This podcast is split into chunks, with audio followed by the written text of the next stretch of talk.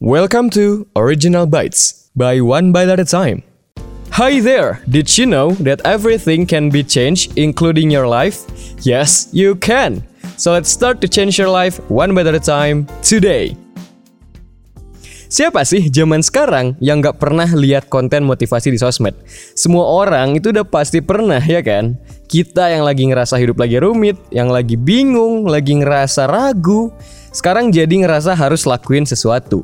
Harus nerapin hal yang dibilangin di konten itu. Karena kita ngerasa hal itu benar. We became the majority. Semua orang yang konsum konten yang sama juga bakal punya intention buat terapin hal itu.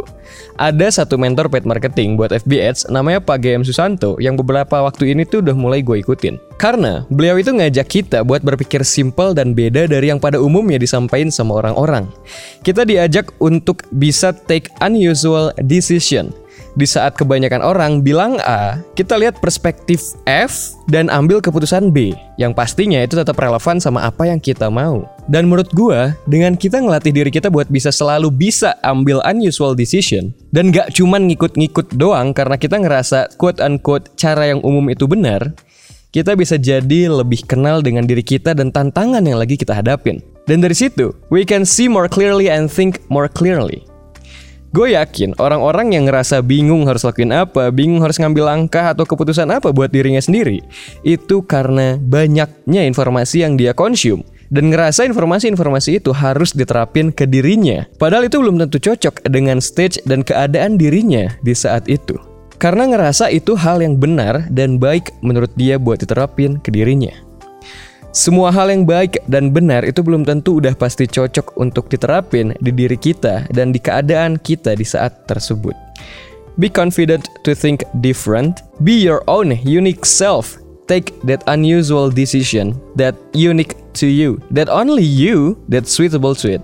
If you think it's best for you, take it, do it. Unusual decision yang lo ambil ini itu emang belum tentu pasti benar dan belum tentu works juga buat diri lo. But one thing for sure, you can find yourself, you can find your true unique self in the process. Just because you take that unusual decision.